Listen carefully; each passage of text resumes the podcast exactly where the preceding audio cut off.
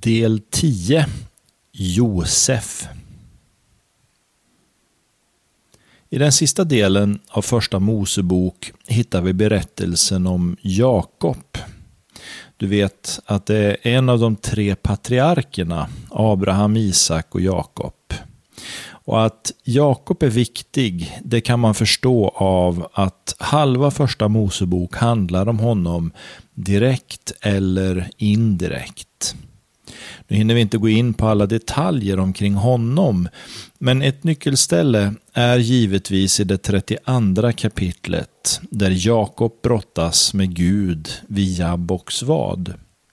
Namnet Jakob betyder den som bedrar och det har givetvis att göra med att han lurade sin broder Esau.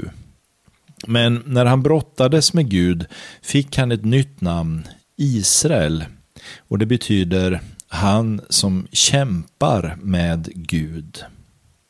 Israel, alltså Jakob, fick tolv söner. Och den näst yngste fick namnet Josef och han är en stark andlig bild för Jesus Kristus, för Messias. Vid ett tillfälle fick Josef några drömmar. I en dröm såg han hur brödernas kärvar bugade sig för Josefs kärve vid skörden. Och i en annan dröm såg han hur solen, månen och elva stjärnor bugade sig inför honom. Någonting som väckte avsky hos bröderna och de försköt honom och sålde honom som slav till Egypten. Med åren glömde bröderna bort Josef i tron att han var död. Men Josef hade inte glömt sina bröder. Han arbetade sig upp först hos Potifar, blev oskyldigt anklagad och hamnade i fängelse där han uttydde två drömmar. Så småningom blev han fri efter att han hade tolkat faraos drömmar och fick jobb där när bröderna så småningom kom ner för att köpa mat i Egypten. Josef kände igen sina bröder, men de kände inte igen honom. Och så slutar den här berättelsen med att Josef berättar för bröderna vem han är och de hämtar Jakob, Israel alltså, som sedan får återse sin älskade son. Läs gärna berättelsen, den börjar i Första Moseboks 25 kapitel. Den här berättelsen i sig är oerhört spännande och dramatisk. I ett mänskligt perspektiv är den också i många stycken väldigt gripande, men som du vet av den här undervisningen så söker jag efter den dualism som ofta finns inbakad i berättelserna. Det finns en djup andlig mening i bildspråket och bakom det historiska händelseförloppet. Josef är son till Israel, alltså Jakob. Och det är givetvis fråga om Sems barn och vi förstår av detta att Jesus är israelit. Och som jag sagt angående Sem så är den miljön för frälsarens ankomst och födelse, det är den judiska familjen. Och vi läser hur förutsägelserna i Josefs drömmar växte, väckte en avsky hos bröderna som förkastade sin bror. På samma sätt är Jesus förkastad av de judiska bröderna. Det finns många exempel, men vi kan ju läsa ett ifrån Matteus evangeliets 26 kapitel, när Jesus står inför Stora rådet, strax innan han kommer att korsfästas. Han har just berättat för dem att han är den Messias som de väntade, alltså ungefär som en av Josefs drömmar. Vi läser från Matteus 26, vers 65. Då rev översteprästen sönder sina kläder och sa Han har hädat. Behöver vi längre några vittnen? Ni hörde ju själva hädelsen. Vad röstar ni för? De svarade Han är skyldig till döden. Sen spottade de honom i ansiktet och slog honom med knytnävarna. Några slog honom på kinderna och sa Profetera för oss, Messias. Vem var det som slog dig? Ja, precis som Josef så blev också Jesus förskjuten av sina egna. Manteln som doppades i blod innan den visades upp för Jakob, ja den har ju givetvis med Jesu död att göra. För att hans tid bland egyptierna, det har med församlingen och församlingens tid att göra. Jesus är sedd av hedningarna medan hans egna bröder har glömt bort honom i tron att han är död.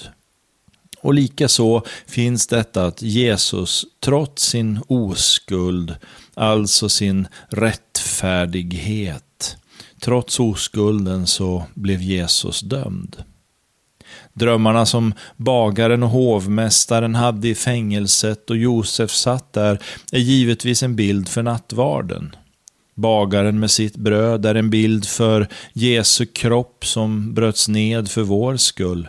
Och hovmästaren med druvorna är bilden för det nya förbundet genom Jesu blod. Silverbägaren som Josef placerade i Benjamins säck utan att de visste om det bär också på en stark symbolik. Man skulle kunna säga att det judiska folket har burit på skatten utan att de har vetat om det. De har inte förstått att Jesus är den Messias som de väntat på. Och också det här kan man säga väldigt mycket om, men det är också någonting som får bli ett annat studium. När Josef så till sist uppenbarar sig för sina bröder så står det att han kör ut hedningarna, egyptierna. De, eh, det skulle kunna förstås, och här är jag inte riktigt klar med min tolkning, men det skulle kunna förstås som att Jesus vid sin återkomst först visar sig för det judiska folket. Vi vet ju av Sakarja 14 och 4 att när Jesus kommer så är det för att sätta sina fötter på Oljeberget. Han kommer till Jerusalem och därför är det kanske också naturligt att förstå det som att han först kommer till sina bröder. Och Det finns en intressant tanke här som vi inte heller kommer förbi. Och Vi kan läsa i första Mosebok 45, vers 4 och 5. Då sa Josef till dem, Kom hit till mig. När de kom fram sa han, Jag är er bror Josef som ni sålde till Egypten. Men var inte bedrövade och sörj inte över att ni sålde mig hit. Det var för att bevara liv som Gud sände mig hit före er. Om vi med den texten i bakhuvudet återvänder till berättelsen om Rut som jag hade i något avsnitt sen, så får vi ljus över en viktig detalj. Nomi, hon var semit. Hon kom från Betlehem men var tvungen att hamna i hedningarnas Moab innan hon kunde återvända till sitt hemland. Med sig hade hon Rut som är jafetit. Orpa, ja hon hade ju chansen att följa med men hon sa nej och hon representerar ju alla de som säger nej till Guds erbjudande. På samma sätt så är nu Josef också tvungen att ta vägen till hedningarnas land. Går vi till Nya Testamentet och läser i Romarbrevet så handlar ju kapitel 9 om Israels utkårelse. Kapitel 10 tar upp frågan om Israels fall och det elfte kapitlet, ja det handlar om Israels upprättelse och Israels frälsning. Och det här är samma mönster.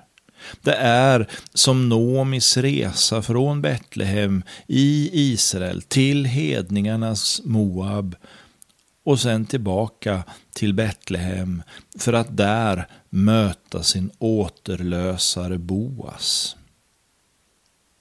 Så vad säger Paulus om det här? Ja, vi kan läsa i Romarbrevets elfte kapitel. Det skriver Paulus om det judiska folket. Nu frågar jag, fick de snubbla för att de skulle falla. Tvärtom, deras felsteg blev till frälsning för hedningarna och själva skulle de äggas till avund. Om nu deras felsteg blev till rikedom för världen och deras nederlag till rikedom för hedningarna, vad skall då inte hända när de fulltaligt vänder tillbaka igen? Ja, trots utkårelsen har inte Israel per automatik biljetten till himlen klar. Också de måste möta Messias. Också de måste bekänna att Messias är deras Herre. Och Guds plan är ju inte bara för judarna, den gäller ju också för hedningarna. Därför var Israel tvunget att falla. Noomi var tvungen att hamna i Moab för att hon skulle få möta Rut och för att hon skulle få Rut med sig tillbaka till Betlehem. Därför, skriver Paulus, därför genom deras fall har frälsningen kommit till hedningarna. Och därför säger Josef till sina bröder, var inte bedrövade över att ni sålde mig hit det var för att bevara liv som Gud sände mig hit före er. Ser du vad Josef säger? Som Gud sände mig. Josef anklagar inte sina bröder utan ser att det som har hänt ingår i den stora planen. Hela tiden återkommer det här genom Bibeln. Jag har visat dig på det i berättelsen om Noa och i berättelsen om Rut i första hand. Men vi har också sett på liknelsen om talenterna som förtydligar och förklarar det här med Guds frälsningsplan. Och det är därför som jag också är så mån om att betona vad jag sa i det första avsnittet, det som handlar om bibelsynen, att allt i Bibeln, allt hänger samman. Och det är därför som vi inte heller kan ta bort någonting. Vi kan inte lägga till någonting eget.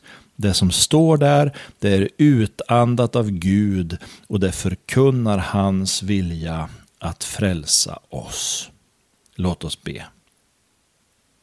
Jag tackar dig Fader för sinnrikheten och det fantastiskt detaljerade och uttänkta som vi ser genom Bibelns fantastiska berättelser. Låt det få tränga in i våra hjärtan.